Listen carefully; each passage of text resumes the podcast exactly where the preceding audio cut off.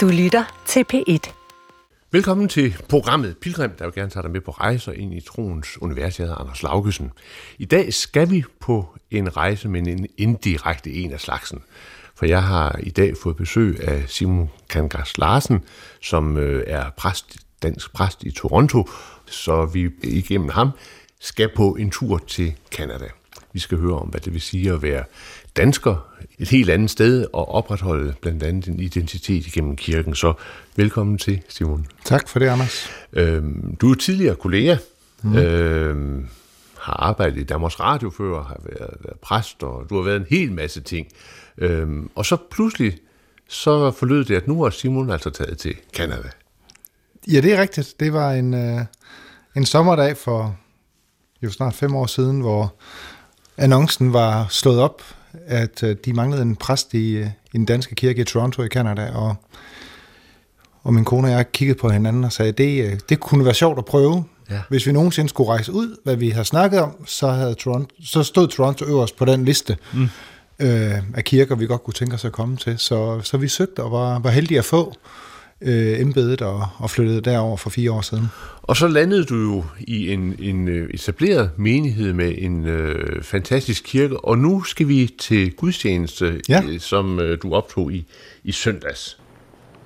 Let us all pray. Our Lord, we are assembled in this your house to hear what you, God our Father, you, Jesus Christ our Savior, And you, good Holy Spirit, our comforter in life and in death, will speak unto us. Ja, her kan vi jo høre, at øh, det er en dansk indgangsbøn, oversat til engelsk. Det er rigtigt. Det er Gerda, vores øh, kordejen, der, der beder den.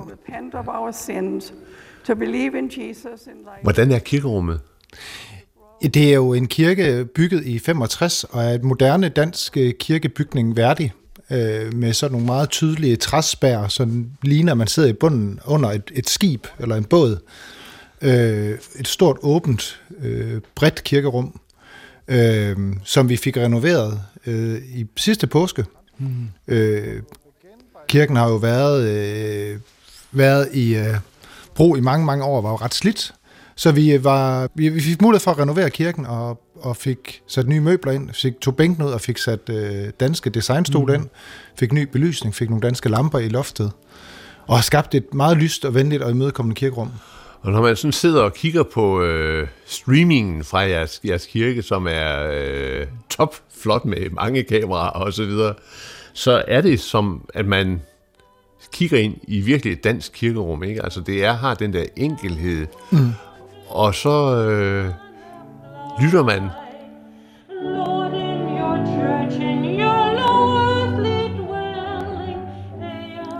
og kan høre, jamen, det, det er der de melodier, vi kender, men de synger jo engelsk. Ja, men det her, det er jo øh, Himlene Herre, fortælle din ære, Grundtvigs salme, som øh, vi synger på engelsk. Ja. Og sådan er det, altså hver anden søndag er vores gudstjenester på engelsk, fordi at øh, min menighed er, øh, er tosproget. Øh, der kan være ægtefælder, der ikke kan dansk, øh, og mange af de nye generationer, anden og tredje generations danskerne, taler heller ikke dansk, mm. men, men taler engelsk. Så hvis vi skal være relevante for, for, for dem af de danske rødder derovre, så, så bliver vi nødt til at holde gudstjenester på engelsk. Så hver anden søndag er det på dansk med dansk prædiken og danske salmer, og, og de andre søndag er det så på engelsk med engelsk prædiken og indgangsbøn på engelsk og bønder på engelsk og læsning og så videre. Øhm, og så har vi en, en, en salmebog, øh, som faktisk øh, den danske kirke i Vancouver stod i spidsen for at få lavet tilbage i slut 90'erne, hvor, hvor der er lavet en, en meget, et meget, meget fint arbejde med at samle danske salmer, øh, som vi kender fra den danske salmebog. Det kan også være Luther salmer og andre ting, men altså finde de engelske udgaver af dem. Og hvis der ikke var en engelsk oversættelse, så har man gået i gang med at oversætte. Mm. Øh, Edward Broadbridge fra Randers, ja. øh, han oversætter også danske salmer til engelsk, så der er faktisk en del danske salmer, som er tilgængelige på engelsk. Men, men det er jo lidt vildt sådan på en måde at, at, øhm, se ind i næsten en parallel struktur øh, sådan i Toronto, altså et, et, et, et dansk rum midt i en helt anden øh, setting.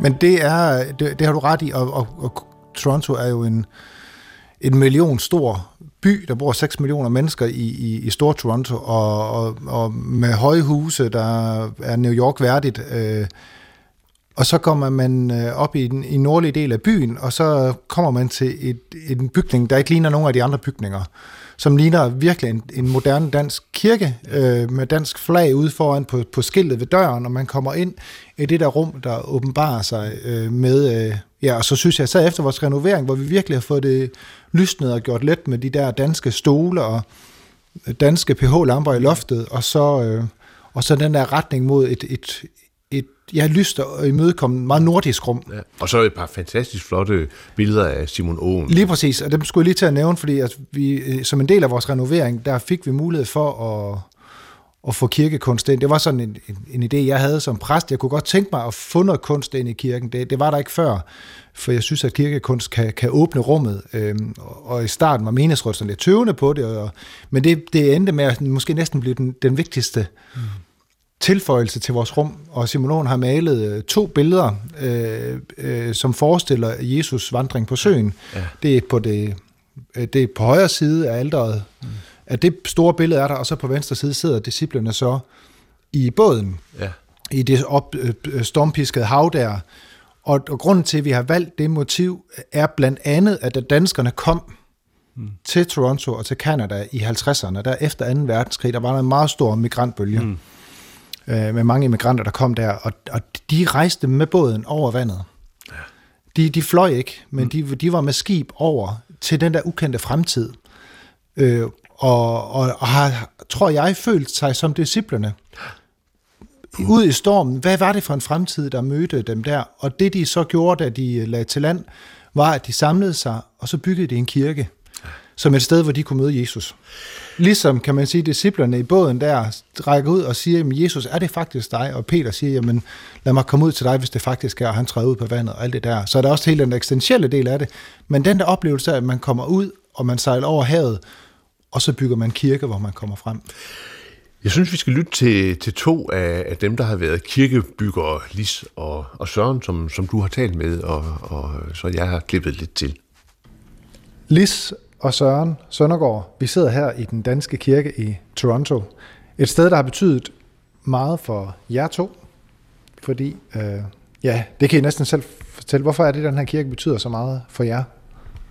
Ja, fordi at vi, jeg kom fra et øh, uh, kristeligt hjem, og var vant til at være med i kirke og, og deltage i ungdomsarbejde og så.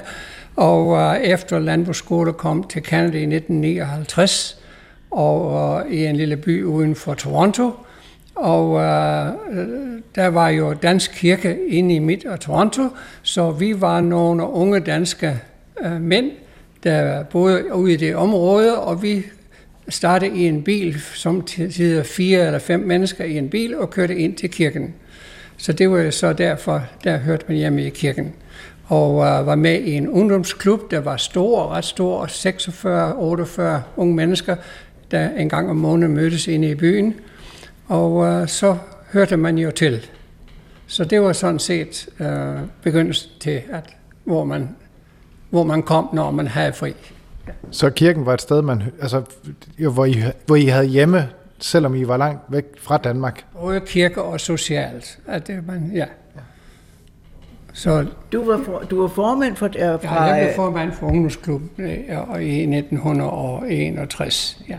Og i 1961, der kom jeg til Canada og skulle være her et års tid. Min planer var at skulle se Canada og en tur til øh, staterne og til Mexico og så absolut hjem igen.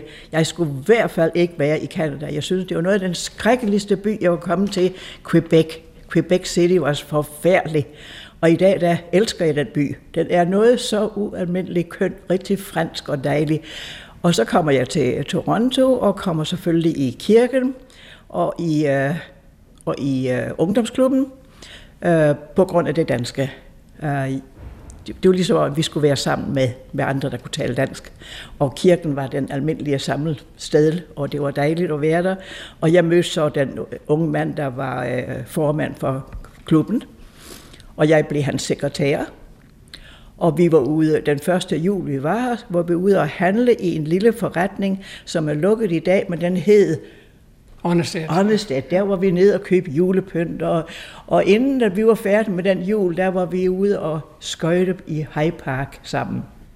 Og det år, man skulle være i Danmark, det er så nu blevet til 62 år. Men jeg vil bare lige sige, jeg har kun levet i Danmark i 22 år, men jeg er stadigvæk mere dansk. Jeg elsker Canada, men jeg er mere dansk end... End du er kanadier? Ja, ja, ja. Og mine rødder er derovre. Hvordan føler du dig, Søren, i hjertet? Er du dansk, eller er du kanadisk?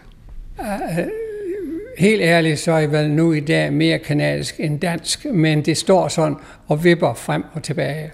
Altså, det vil sige, at man hænger til begge steder. Ja. Og hvad, hvad, hvad betyder det med kirken så øh, i den relation til det danske? Altså det, der er en dansk kirke, hvor vi jo fejrer gudstjeneste på dansk og synger danske salmer osv. Altså, hvad, hvad betyder det for, for, den, for det, den danske identitet herover? Det betød, jeg ved, det betød alting. Det betød, at vi var i kirken altid, og vi havde vores børn med, og lige fra den første dag af har kirken betydet utrolig meget. Det var sådan efterhånden, når at jeg bagte hjemme, så sagde, mom, så sagde vores børn, nej, skal vi i kirken igen? Så øh, det var vores liv. Det var kirken herinde, og den. Ja, det er jo der, vi brugte vores fritid i, i, i vores yngre dage sammen med børnene og, og sammen med gode venner. Ja, og den danske kirke blev bygget, ja. imens vi var Ja, herovre. og hvor vi var med til at bygge kirken og finde et nyt sted for kirken. Og så vi har været med lige fra, ikke fra begyndelsen, men mange år. Og- jeg har jo så også set, hvordan udviklingen er gået hen over årene, fordi altså, som jeg forstår det, så er de mennesker, der kommer her, er det jo, mange er jo de samme, som er med til at bygge kirken, men der er måske ikke så mange af de yngre familier, der bruger kirken nu. Nej, men det er ligesom i alle andre kirker.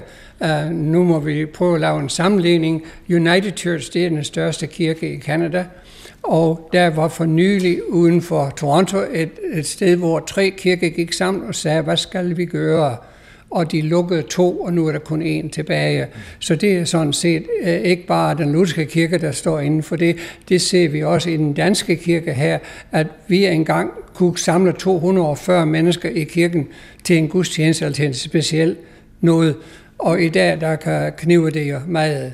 Og det er selvfølgelig fordi, at vi ikke får de immigranter, som vi plejer, eller, eller der kommer ikke de danskere, der plejer at komme. For nu ser vi aldrig almindelige øh, arbejdere og, og, og kontorfolk komme. Det er kun folk, der bliver sendt ud fra danske firmaer for et år eller to. Så det er en ganske almindelig fortælelse. Og vores børn er jo slet ikke i nærheden af vores danske kirke. Øh, en af dem går med i kirke, men det er, det er langt herfra. Og, øh, og den anden er flyttet tilbage til Danmark og bor derovre. Så øh, den næste generation er her ikke rigtig. Det er ligesom om, måske er vores tredje generation. Derfor synes jeg, det er en vældig god idé, at I begynder at holde en dansk undervisning. For jeg nævnte med det samme til øh, Søren, der skal vi da have Lisbeth op til den. Men vores første generation efter os, de har søgt andre steder.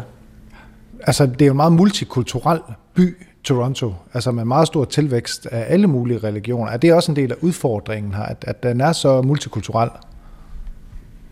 Ja, og mm, hvis man kan kigge tilbage, så må man jo sige, at øh, den danske immigration til Canada skete jo meget, meget ofte på den måde, at der var øh, mangel på, eller der var ikke øh, øh, øh, nok at tjene i Danmark. Altså man kunne ikke få føden i Danmark, der så rejste man jo til Canada.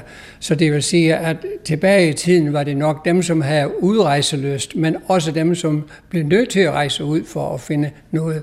Og den, den tid er jo over. Det vil sige, at man har det faktisk økonomisk bedre i Danmark, end man har i Canada i dag. Men også den ting, vi skal gå tilbage til, er, at da vi kom, der skulle man jo emigrere for at kunne få lov til at arbejde herovre. I dag behøver man ikke at emigrere. Så derfor er det lidt ligesom om, at det var lidt sværere at komme hjem igen. Fordi man har fået sig sættet lidt mere, end hvis man bare er over på et arbejdsbesøg.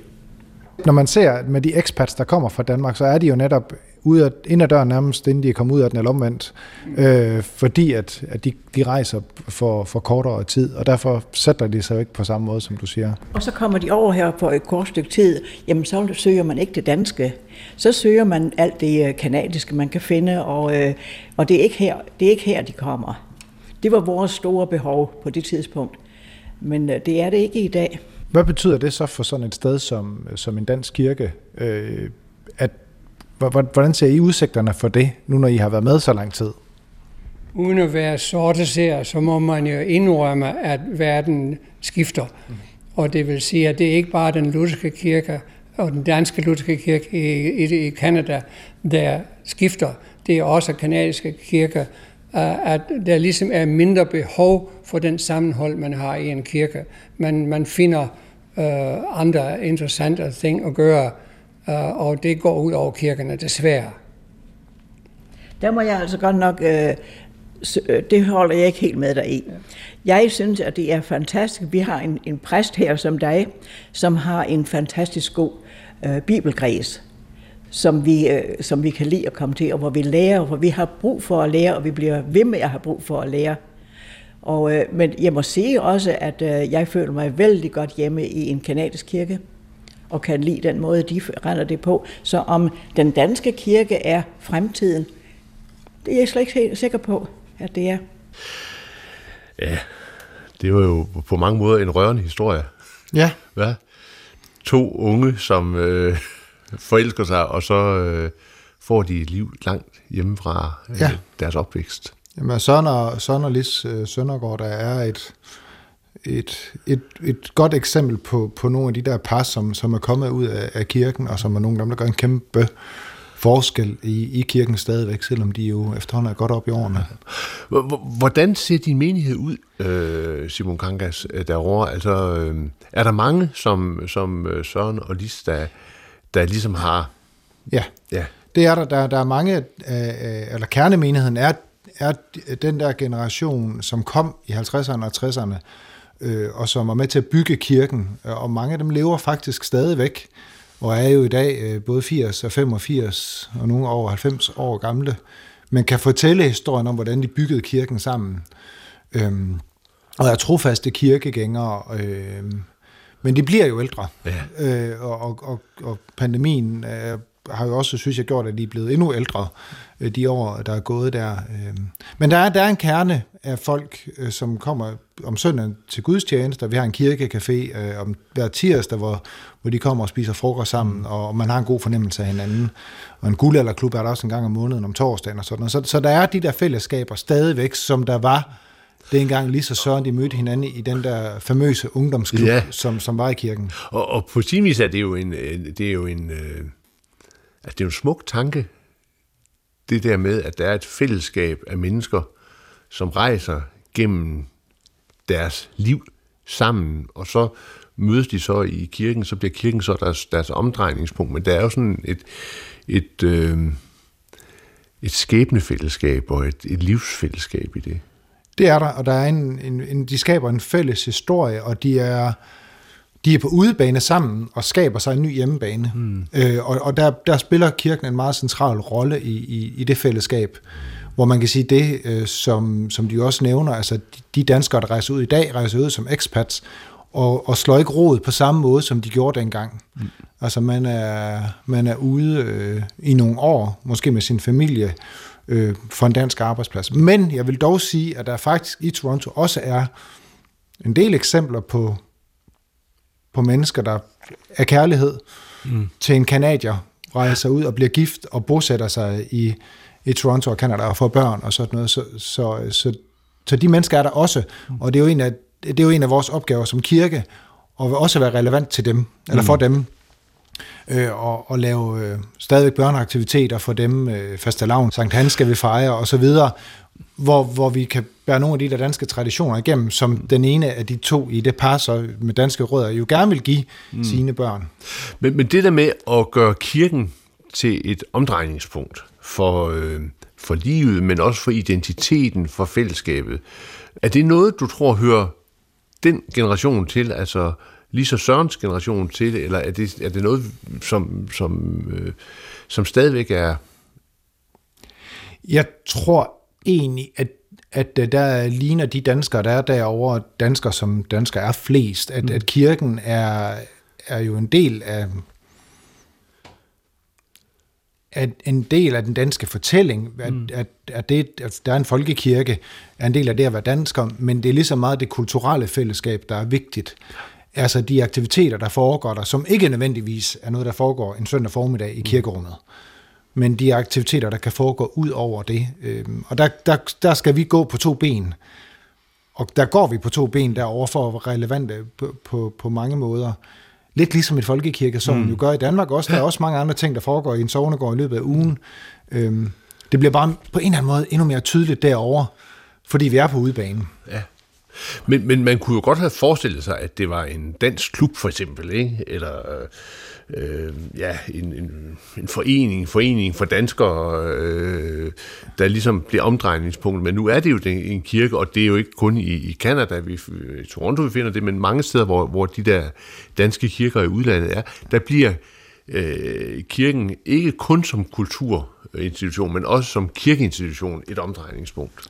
Og det er fuldstændig rigtigt. Og for eksempel i Ottawa er der en dansk klub, som ikke har en kirkelig dimension. Der bliver jeg dog inviteret op tre gange om året og holder gudstjenester til påske og jul og til Thanksgiving. Øh, så de vil gerne have den del med også, men de mødes også bare et, omkring et dansk fællesskab. Og det er rigtigt, der har vi i Toronto, fordi vi har en kirke, øh, er der et andet fællesskab. Og den der ugenlige puls, mm. det er at fejre gudstjeneste sammen, er jo vigtigt. Og det samme også med alle de kirkelige handlinger. Altså, når man har en barnedåb, eller vi har en begravelse, som jeg jo jævnligt har, fordi at de der danskere, de bliver jo ældre. Øhm, eller et bryllup, som også hænder en gang imellem. Også. Altså, der, det, det er... Øh, det, det er rigtig stærkt at få lov til at være med til at være relevant i de menneskers liv derovre, at de vælger os til. Og det gør de virkelig. Altså, fordi der er utrolig mange andre tilbud kirkeligt øh, i Toronto, og der er også øh, så mange tilbud, som man kan helt vælge at vælge det fra jo. Mm. Men, men det, at de så vælger at komme, okay, men jeg vil gerne have mit barn konfirmeret, eller jeg vil gerne have mit barn døbt, eller jeg vil gerne giftes her, eller vores begravelse skal finde sted i rammerne af, af kirken, det, det, det synes jeg er, er meget, meget meningsfyldt at være en del af. Så kirken spænder en bue fra fødsel til død. Vi skal lige lytte til, til Søren igen.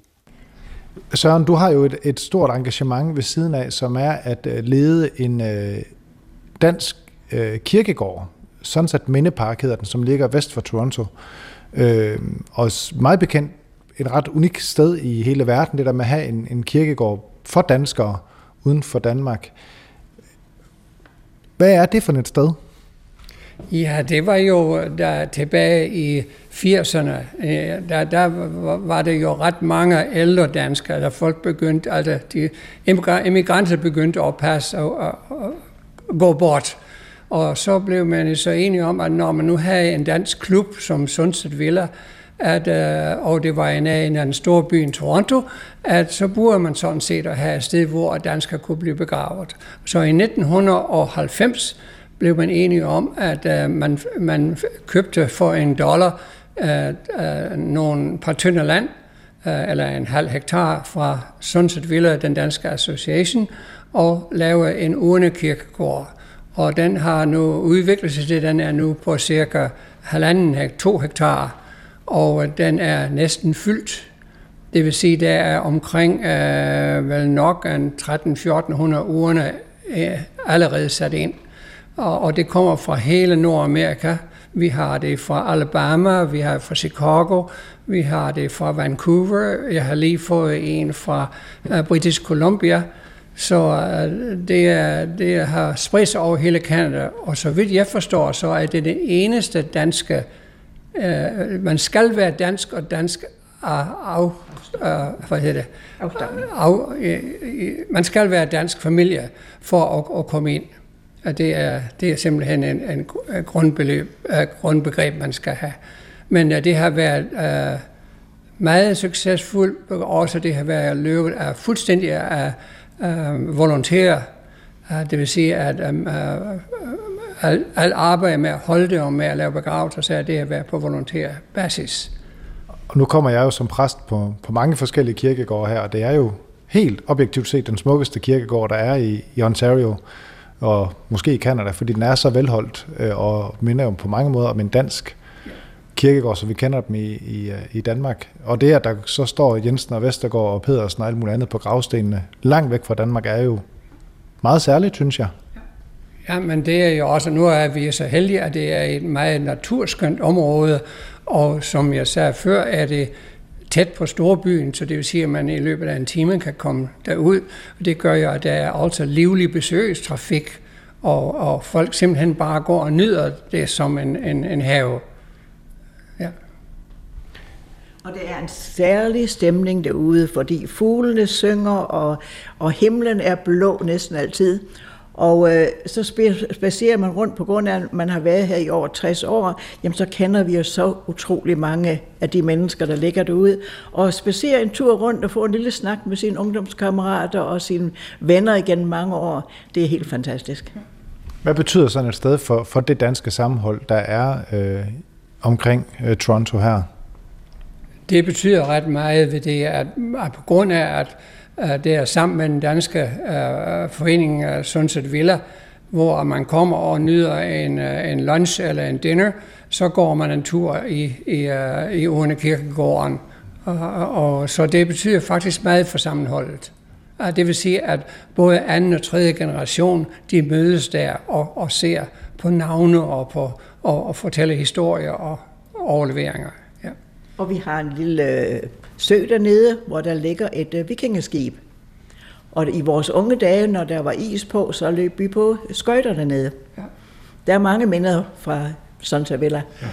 ja, altså, det er da, altså det er da næsten rørende, at man, at man har sådan øh, en tanke om fra øh, vugge til grav, væk fra Danmark, og så alligevel dansker. Ja, og det er, altså, som, som du kan høre, jo et, et særligt sted, den der Sunset Mindepark. Mm. Øh, og, og jeg kommer der ofte som præst og er med til de der øh, begravelser, som vi holder derude af, af, af urner. Øh, og det skaber, som, som Lis hun også siger her, et, et sammenhold på tværs af generationer at have det sted derude. Men, men jeg tænker på selve tanken, altså om, at man, man lever sit liv mm. i Kanada. Man bliver kanadisk statsborger, man øh, får det danske sprog på afstand, og så øh, sætter man alligevel sin urne til den danske kirkegård, så man kan ligge tæt på, på fælderne. Mm. Øh, altså, hvad tænker du om det? Hvad, hvad er det egentlig udtryk for, Simon Gangas? Jamen, det er nok udtryk for, at, at de der danske rødder er jo stærke. Men, men danskerne er også gode til at integrere sig derovre. Der er jo ikke et Little Danmark, som der er et Little Italy eller Little Greece i Toronto. Danskerne er ud over det hele, mm.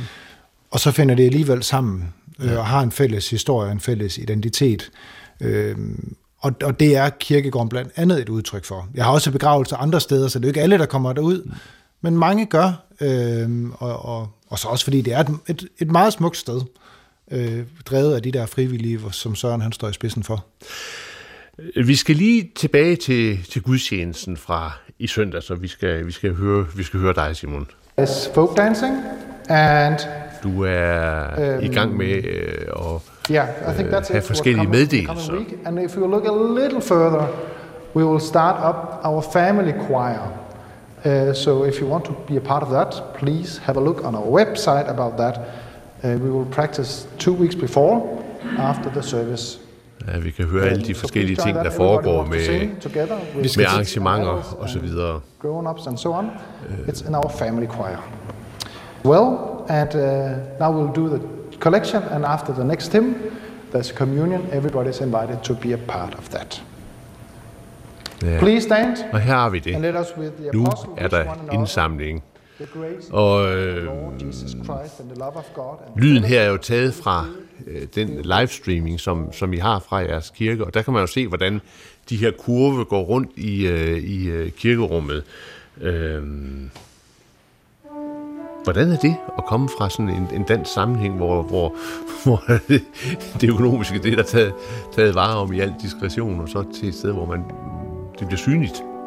Jamen det, er, det var jo noget af det, jeg virkelig skulle vende mig til, da jeg rejste øh, over og begyndte derovre. Øh, indsamlingen ligger lige efter prædikenen, og jeg grinede lidt af det i starten, ikke også? Altså, skal jeg holde en prædiken nu, som øh, opfordrer til at, at smide mønter i kurven, så de undgår skæresilden, eller hvad sker der? Ja, det er mere velsignet at give end at modtage. Exakt. øh, nej, øh, men jeg finder jo meget, meget hurtigt ud af, at det er jo simpelthen livsnødvendigt. Mm. At det, det handler om, om menighedens overlevelse. og at det er en helt, helt naturlig del af måden at både være kirke på, men egentlig også at være kanadier på, mm. at det, at man donerer, man giver penge til alt muligt derovre. Og det handler blandt andet om, at, øh, at ikke, altså skatten betaler ikke så meget, som den gør i Danmark. Øh, man betaler mere skat, end man gør i for eksempel USA, men, men der er alligevel øh, flere ting, der, der lever af, at der mm. bliver doneret penge, ja. og herunder kirkerne. Og det er simpelthen sat i system, så man får et fradrag mm. for de penge, man lægger i, i kurven der om søndagen. Men, men for jeres kirke, ja.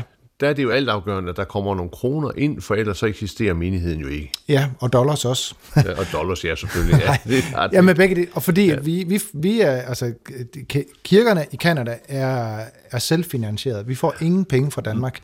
Det er migrantkirker, som er startet af migranter, som, øh, kan man sige, som har stået råd i Kanada. Og derfor er kirken selv betalt mm. og selv drevet af de mennesker, der kommer der. Men hvad gør I så nu, altså hvor menigheden bliver ældre, og øh, øh, dem, der kommer, øh, har, øh, har ikke, altså, slår ikke råd, de er, sådan, de er sådan på besøg og så videre. Hvad? Jamen, vi har dels et menighedsråd, som er, er, er gode til at passe på penge, mm. og bruge penge fornuftigt. Øh, og dels så forsøger vi at skabe, altså skabe events, hvor man kan samle penge ind, og blandt andet har vi jo en, en, en bazar to gange om året til foråret og til jul, hvor vi samler en del penge ind, øh, som er vigtige for vores overlevelse. Og, og corona har udfordret os, fordi vi blev nødt til at aflyse de fysiske bazarer, og så lavede vi så en, en online bazar i stedet for, og det har faktisk gjort, at vi har solgt endnu mere, end vi gjorde før, fordi lige pludselig kunne vi sælge ting på nettet. Så vi sender remoulade og rugbrødsblandinger ja. og tarteletter til øh, Stor Toronto og faktisk til hele Canada, ja. Til danskere, som gerne vil have det. Og det er sådan en af de der eksempler på, hvordan vi skal prøve at udvikle måden og tjene penge på til kirken. Ja. Men de er ikke alle sammen sådan meget gamle i din menighed. Der er også nogen, der er, der er lidt yngre. Nu skal vi lytte til en, en, en kvinde, der er lidt yngre end øh, Søren og, og Lis, og så, og så hendes søn. Ja, altså han er en af mine konfirmander, og Liselotte, hans mor, øh, kommer jævnligt i kirken. Øh, han har to større søskende, som også er konfirmeret i kirken, øh, og i søndags, der blev han så faktisk øh, konfirmand døbt, øh, og er et et, et, en, en skøn dreng, og øh, ham skal vi møde nu. Jeg sidder i kongesalen under kirken i, i Toronto, sammen med Hans, der er konfirmant, og Hans' mor, Lise Lotte. Og Lise Lotte, du øh, er jo ikke født i Kanada, men du er jo født i Danmark og er dansker, men har boet her i mange år. Ja.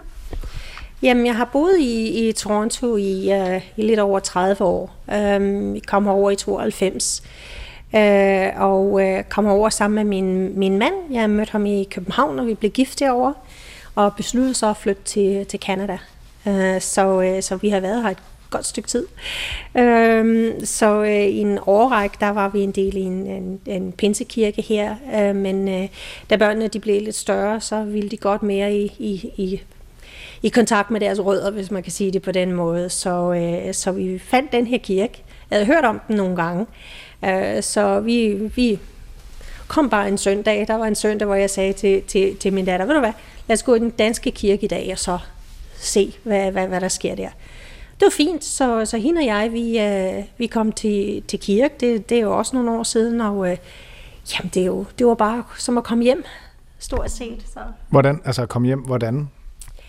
Jo, men det var jo noget, der var bekendt. Øh, jeg har altid godt kunne lide at gå i kirke også i Danmark, og øh, liturgien og de danske salmer og alt det der, det var bare, det var bare sådan et, et velkommen hjem knus øh, næsten, ikke også? Så, øh, så øh, for de danske kirker i udlandet er det jo, det er jo ikke bare troen, øh, det er jo også kulturen, der følger med der, og det det, det der gør, når man så kommer her, jamen, så er det ligesom om at, at komme hjem, ikke? Ja. Og, og nu har du jo så din yngste ja. Hans, der skal konfirmeres ja. øh, her i kirken til, til foråret. Han er en af mine konfirmander. Hvorfor er det vigtigt? Jamen, det er jo, det er jo vigtigt i og med, at, at, øh, at han skal have en anledning for at bekræfte sin tro, hvis det er det, han vil, og det har han valgt at gøre. Så, øh, så de, de to andre er, har valgt at blive konfirmeret også, og, og det, det er jo noget, vi snakker om. Øh, så der er jo ikke, der er ikke noget pres, men, men det er jo... Altså, jeg fortalte ham, hvad det, hvad det betød, hvad det mente, altså hvad, hvad det var. Og øh, efter lidt moden overvejelse, jamen, så, så sagde han ja, jamen det ville han også godt.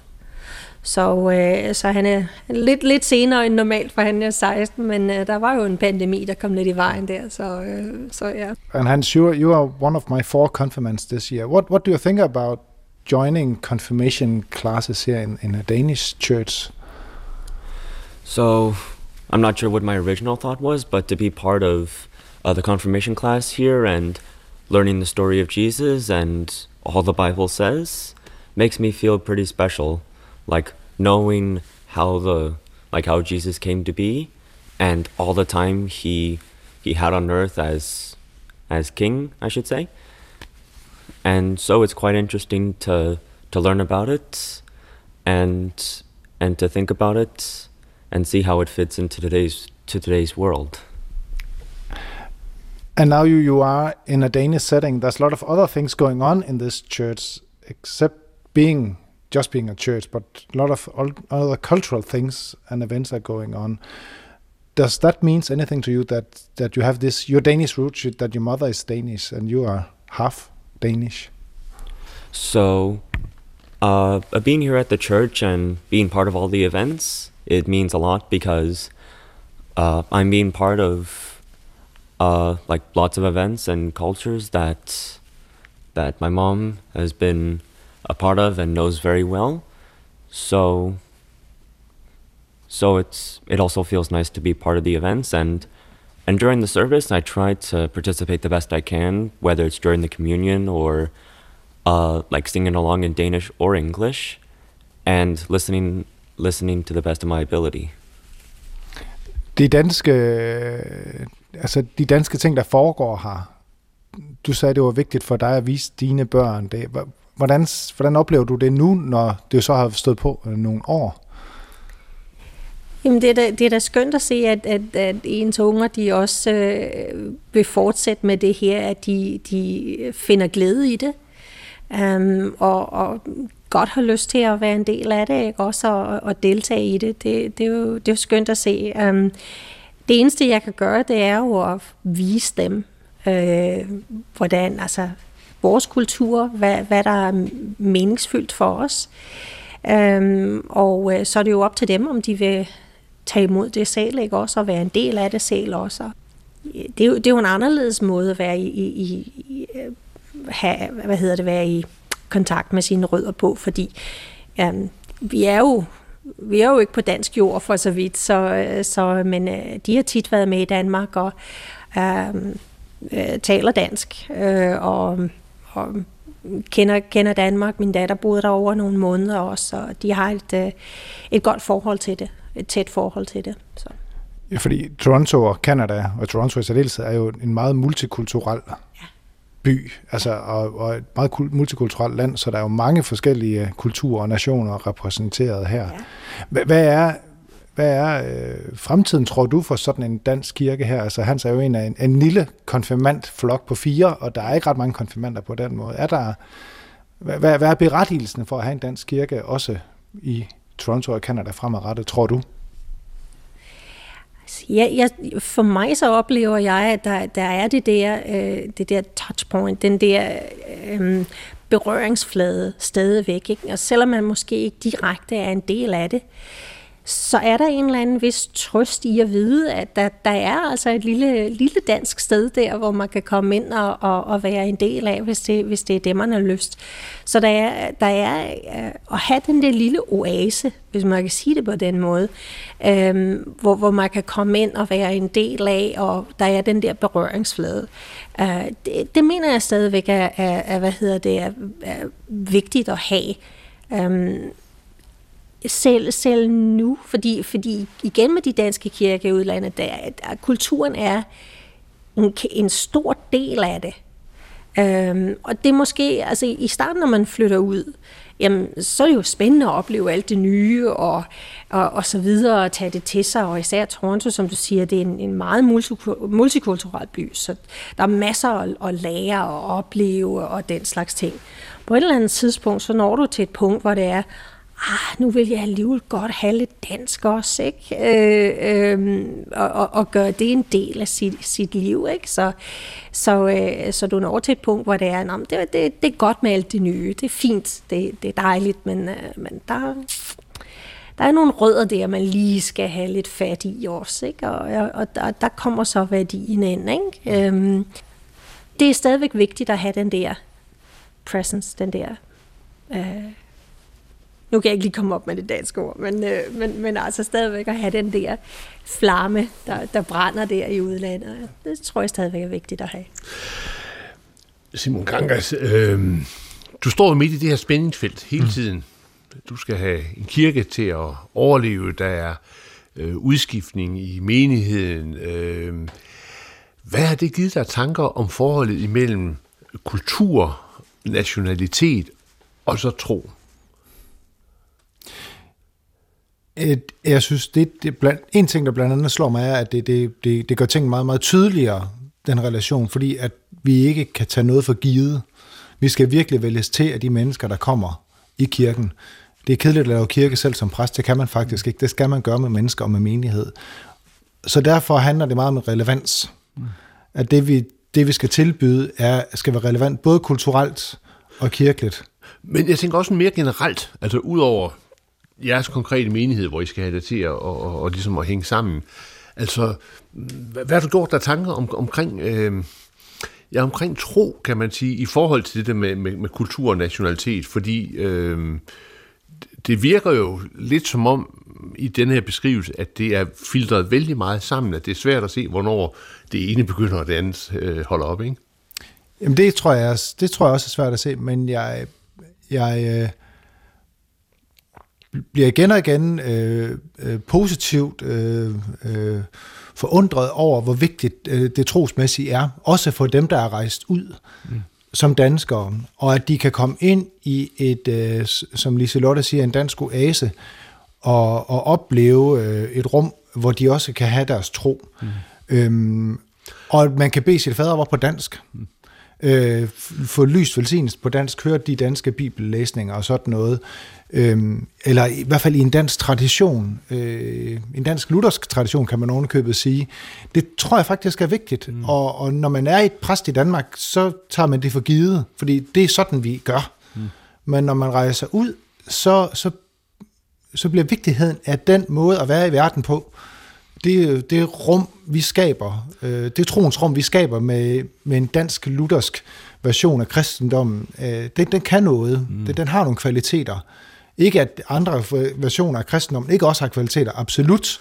Men, men jeg synes, der er nogle, der er, der er, der er nogle sprog og et kultur der, som, som, øh, som bliver meget tydeligt, når man rejser ud på den men, måde. Men det giver noget eftertanke også i forhold mm. til en dansk sammenhæng, ikke? Altså, hvor vi har muslimske øh, grupper, der så øh, holder til i øh, en somalisk måske, eller en tyrkisk måske, eller, eller hvad det nu kan, og hvor den del af det, øh, for nogen i hvert fald, er en stærk øh, del af deres, øh, deres identitet. Altså selve fænomenet om kultur og tro, der i det fremmede, som på en måde jo er det egentlig hjemlige, alligevel bliver en, øh, en meget, meget afgørende faktor.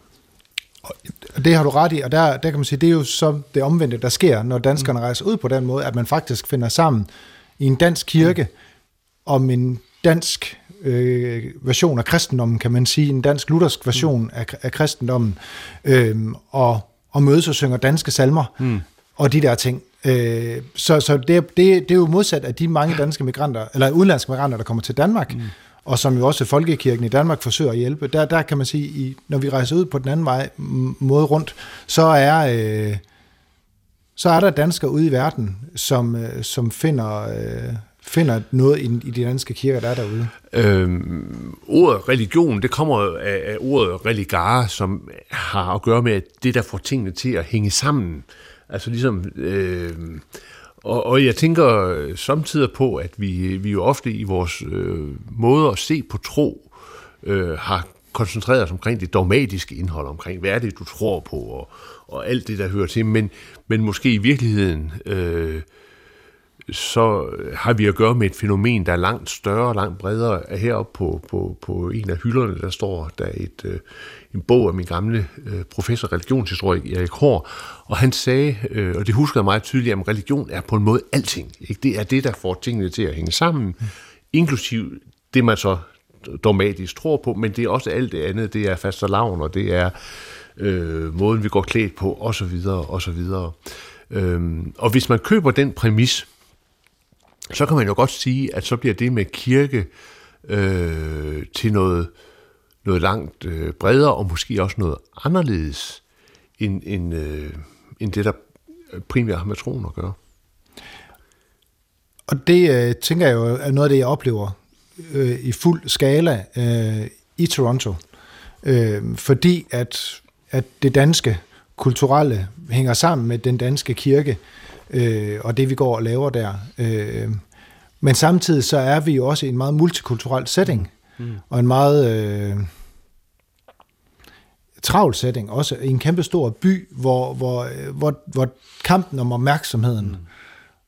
er, er stor. Ja. Der er rigtig meget at gå til, der er rigtig meget at bruge sin tid på. Man bruger rigtig meget tid i trafikken, helt konkret, lavpraktisk. Mm. Så det der med at få folk til at komme i kirken, det, det, der skal virkelig være noget at komme men, efter. Men, men kan man sige, at altså, hvis vi nu sådan ligesom ser også ud over øh, menigheden i, i Toronto, at det her det er måske også en fortælling om, at man som et menneske i en øh, verden i opbrud, fordi det er jo ofte det, der karakteriserer øh, mennesker, der er rejst ud og som lever som, som indvandrere i lande, at de har været igennem nogle, nogle øh, dybe øh, eksistentielle opbrud, at, og, og det karakteriserer jo også globaliseringen med hele dens, øh, dens bevægelighed, at i sådan en livssituation, så det, at man har nogle ankerpunkter, som man så kan slå ned og ligesom hive fat i, nu holder vi fast i, i et eller andet ankerpunkt, en identitet, en dybde, og så svømmer man så videre i, i hverdagens hav, og så kommer vi tilbage igen, at det, at det virkelig har en, en øh, betydning øh, at spille. Det har det, og det, det er for, for mange af de danskere, der er derovre, tror jeg, at kirken betyder det. Mm. Øh, men, men det der udfordring er jo så for dem til at komme og stadigvæk bidrage til fællesskabet. Mm. Fordi at, at kirken er, ikke er der af sig selv. Og hvis vi ikke for eksempel samler penge ind om søndagen, mm. blandt de mennesker, der kommer i kirken, eller får donationer fra folk mm. online, eller hvad ved jeg, så vil der ikke være nogen kirke. Mm. Fordi vi kan ikke bare tage det for givet. Mm. Vi er afhængige af, at folk de bidrager. Og, og det er en af, af, af de store forskelle fra for eksempel en dansk folkekirke, hvor vi betaler mm. det over vores kirkeskat og så videre. Kirken skal nok ligge der. Mm. Også de mange, næste mange, mange år. Men i Toronto er der kun en kirke, så længe der er mennesker, der vil, at den mm. skal være der. I er jo en del af dansk øh, sømands- og udlandskirker, øh, som er sådan en, en sammenslutning af, af de forskellige danske menigheder i deres forskellige artighed rundt omkring i, i hele verden. Det er jo et, et interessant fænomen, at der, hvor der er mange danskere, der følger øh, kirken øh, med, men tror du, det, tror du, det vil holde i den globaliserede øh, generation? En ting er selvfølgelig at få økonomien til at hænge sammen, men hvis vi nu ser bort fra det med økonomien, tror du så også rent, hvad skal vi sige, menneskeligt, at det med at have en identitetsmarkør ind i det religiøse, ind i det specifikt danske kulturelle, at det bliver ved med at være, være vigtigt for, øh, ja, for vores børns generation? Ja, det, det, jeg, tror, jeg tror egentlig, det, det er meget det samme mønster, som vil gøre sig gældende herhjemme i Danmark. Om den der relevans, der kan være for, for de nye eller kommende generationer, er kirken relevant, der har vi et sprog at tilbyde der. Det, det er meget det samme, der er på spil. Mm. Vi skal vælges til, Folk skal vælge at bruge deres tid, og det gør de, hvis de er, at de kan finde mening i det fællesskab, der er der. Så vores opgave som kirke ude, ligesom det er i Danmark, er at, at, at, at sige noget meningsfyldt ind i menneskers liv. Mm. Og der kan man absolut som kirke sige noget ind i en globaliseret verden, hvor ting går stærkt. Altså der er jo der er et andet budskab om, hvordan man kan være i verden som menneske, og det, det har det moderne globaliserede menneske også behov for at høre, og vil gerne høre.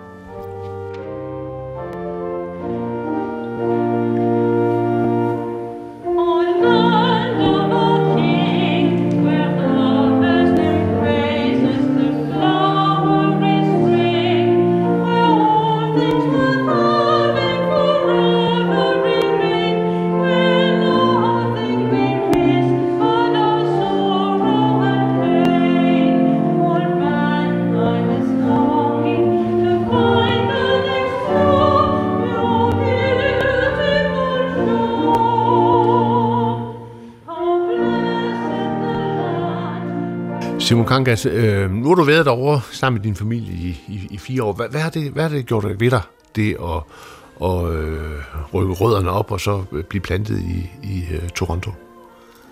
Jamen altså, for, for, for mig som præst har det understreget, hvor fantastisk et job det er at være præst, og hvilken stor forskel man gør øh, for mennesker ude overalt. Øh, man oplever folk, der er søgende og nysgerrige og, og, og vil have trøst og samtale og gudstjeneste. For os som familie er det et kæmpe eventyr.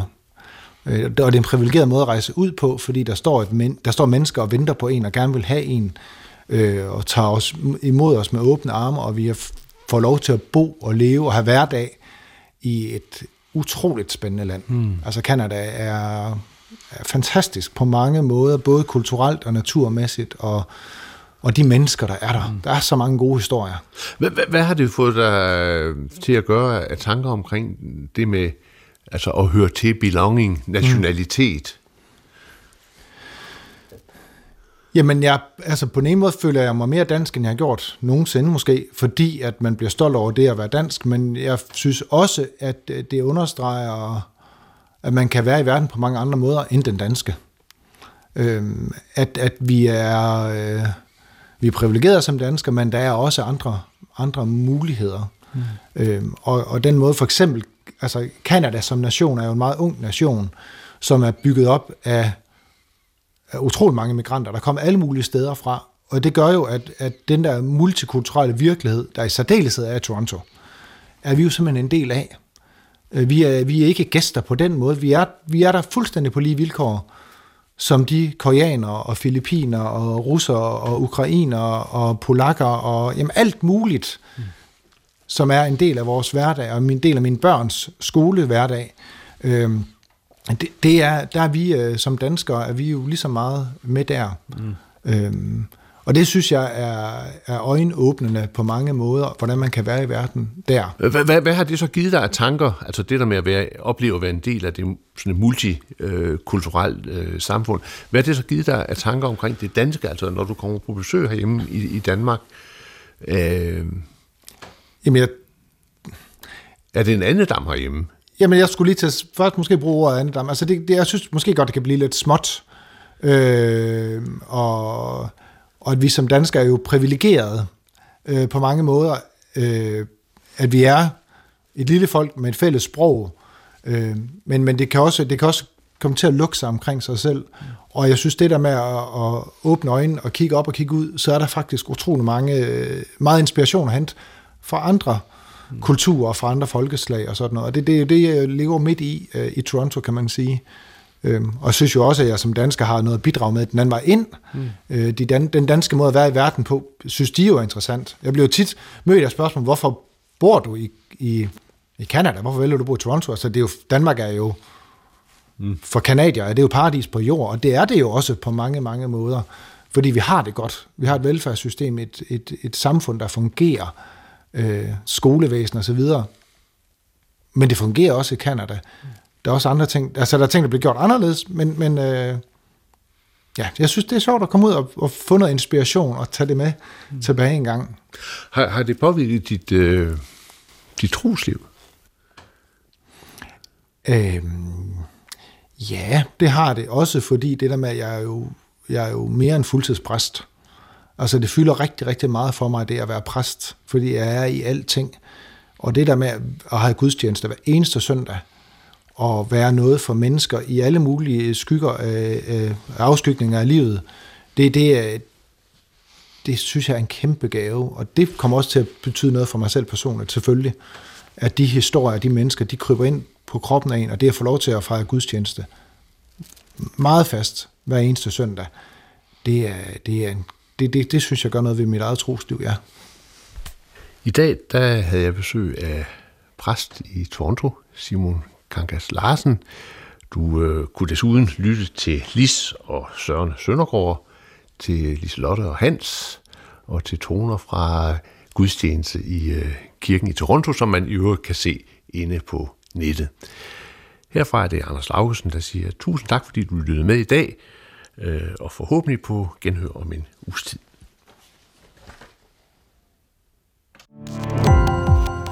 Gå på opdagelse i alle DR's podcast og radioprogrammer. I appen DR Lyd.